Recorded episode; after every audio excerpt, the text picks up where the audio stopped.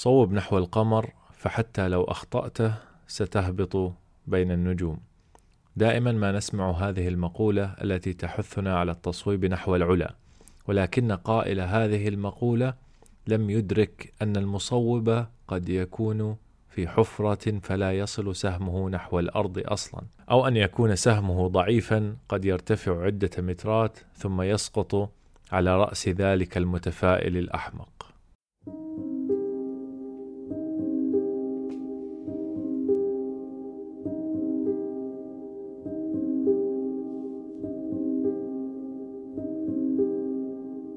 ففي الناس إبدال وفي الترك راحة وفي القلب صبر للحبيب ولو جفا. تكلمنا في الحلقة السابقة عن لماذا يجب أن ننجح. ثم ما هو النجاح بالنسبة لك والرغبة والإيمان. ثم أخيرا فريق الأحلام. إن لم تشاهد الحلقات السابقة فاذهب وشاهدها. ثم عد ونحن هنا بانتظارك. okay يعني بستناك بس يعني عادي تنط عن تقدم شوي يعني أو تعمل stop وترجع. بدأت تتضح صورة النجاح واليوم سنعرف أين نقع بالنسبة للنجاح. ثم سنبني سلم النجاح لنخرج تدريجيا حتى وإن كنا في أعمق حفر الجحيم. لنفترض مثلا أن هدفك الأسمى هو إنقاذ العالم من الفقر وأنك شغوف جدا لتحقيق هذا الهدف.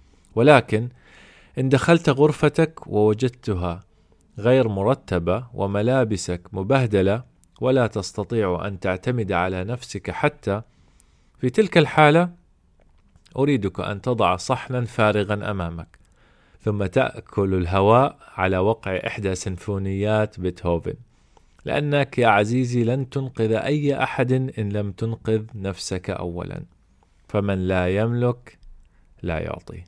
وأستذكر هنا طلاب الجامعات الذين يهتفون بأسمى الشعارات العليا وتجد صوته يبح في المظاهرات أو غيرها لأجل تغيير العالم وهو يطلب مصروفه الشهري من والده الذي يعمل أكثر من 14 ساعة في اليوم لإعطائه ذلك المصروف. أو تجده يكتب أشد الاحتجاجات على تويتر وهو يصرخ على أمه تعالي جيبي لي كأس الشاي وسندويشة اللبنة بالزعتر لأن النقاش قد احتدم. وهنا لا أريد أن أكون ضد أن يفكر الشباب أو أن يفرغوا طاقاتهم ولكن يجب أن تفرغ هذه الطاقات في المكان الصحيح. وأنبل ما يمكنك أن تفرغ طاقتك عليه في فترة العشرينات هي نفسك. لأنك يا صديقي مهما تنطعت بالشعارات لا زلت في مرحلة بناء فكرك وحياتك. والأفضل أن تصبح أفضل ما يمكنك أن تصبحه لكي تسمع في المستقبل. وأيضا يكفينا نفاقا أن نقضي ساعات في تضييع الوقت في المقاهي وعلى نتفليكس وغيره ثم نخرج لنلعن الظلام. ما أسهل ذلك وما أسهل أن نلوم الآخرين على مشاكلنا. اذا فرغ طاقاتك على نفسك وحياتك وابدأ بترتيب سريرك. لأن هدفا عاما قد يكون جميلا كتابة. ولكن عندما نريد أن نبدأ نجد أنفسنا بأننا ضائعون. لا نعلم أين نبدأ أصلا. حتى وإن كان هدفنا ذكيا كما ذكرنا في الحلقات السابقة. لنأخذ مثلا أننا نريد أن ننقذ العالم من الفقر. من خلال إطعام الفقراء في أفريقيا في مدة عشر سنوات. هدف يبدو ذكيا وما شاء الله عليه وجميل لكنه مستحيل التحقق لوحدك. لكن يجب تحويل الهدف لهدف يمكنك تحقيقه بتغيير بسيط. يعني أريد أن أساعد في إنقاذ العالم من خلال استصلاح الأراضي في عشرين قرية في أفريقيا بمدة عشر سنوات. هيك إحنا وضحناه وخليناه ذكي وصرنا عارفين شو بدنا نعمل عشان ننقذ هدول الناس اللي في أفريقيا.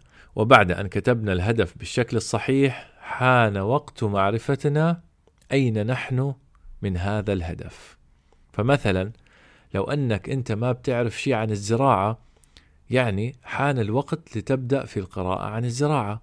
وربما تدرس أونلاين أو شيء من هذا القبيل. وأيضا عليك أن تدرس طبيعة أفريقيا وأسباب شح المياه هناك. وهكذا. يعني صار الهدف واضح وأنت تبدأ بالأخذ بالأسباب لتحقيق هذا الهدف.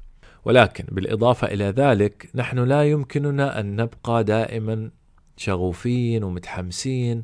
يجب أن نبني عادات تجعل من نجاحك أوتوماتيكيا. والحين في مصطلح عربي اسمه الأتمتة. هذا كتير حلو المصطلح. بمعنى قد تقرأ اليوم كتابا وتأخذ دورة. ولكنك ستمل بعد فترة. ولكن إن خلقت عادة القراءة يوميا مهما كان مزاجك ستصبح القراءة دواء لك. يعني أنت خليت من الممل ممتع. وإن خلقت عادة الزراعة مثلا مدة ساعة إن أمكنك ستصبح هي هوايتك التي ستسهل تحقيق هدفك اللي كتبته قبل. وهكذا. إذا ابني عادات وروتين جيد بشكل عام تحسن حياتك وتقربك من هدفك. لنعد إلى مثال أفريقيا الحين. لا يمكنك أن تترك مسؤولياتك فجأة وتذهب هناك دون أي خطة. يعني يجب أن تقسم ذلك الهدف إلى أهداف صغيرة. مثلا من أجل أن أذهب إلى أفريقيا سأبني حرية مالية من خلال شراء عقار شراء أسهم يدخل لي دخل وأنا مش لازم أشتغل 8 ساعات أو 10 ساعات يوميا في وظيفة في مكان ثابت. هذا رقم واحد. اثنين سآخذ دبلوم استصلاح التربة خلال سنتين. ثم ثم ثم ثم سأكون في أفريقيا أستصلح الأراضي في أول قرية خلال ثلاث سنوات. يعني أنا قسمت الهدف تبعي عملت لي أسباب بتساعدني للوصول للهدف اللي أنا بدي إياه. لين ما نوصل للهدف الأسمى. إذا قسم الهدف إلى أهداف صغيرة مفصلة يمكنك البدء بها فورا. أما الجزء العملي من الحلقة فهو كالتالي اكتب عادات بسيطة تود البدء بها وابدأ عادة واحدة كل شهر. لا تزود ولا تضغط نفسك. وقسم الأهداف الكبيرة التي تكلمنا عنها مسبقا إلى أهداف صغيرة واضحة أمام عيونك. وفديت عيونك. ما تكون خجلت وطلعت بس. سوي like بعدين اطلع.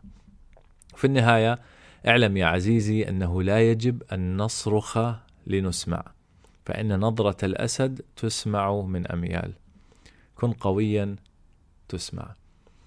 لا تنسى تسوي subscribe والسوالف هاي كلها. أشوفكم الحلقة القادمة. يعطيكم العافية.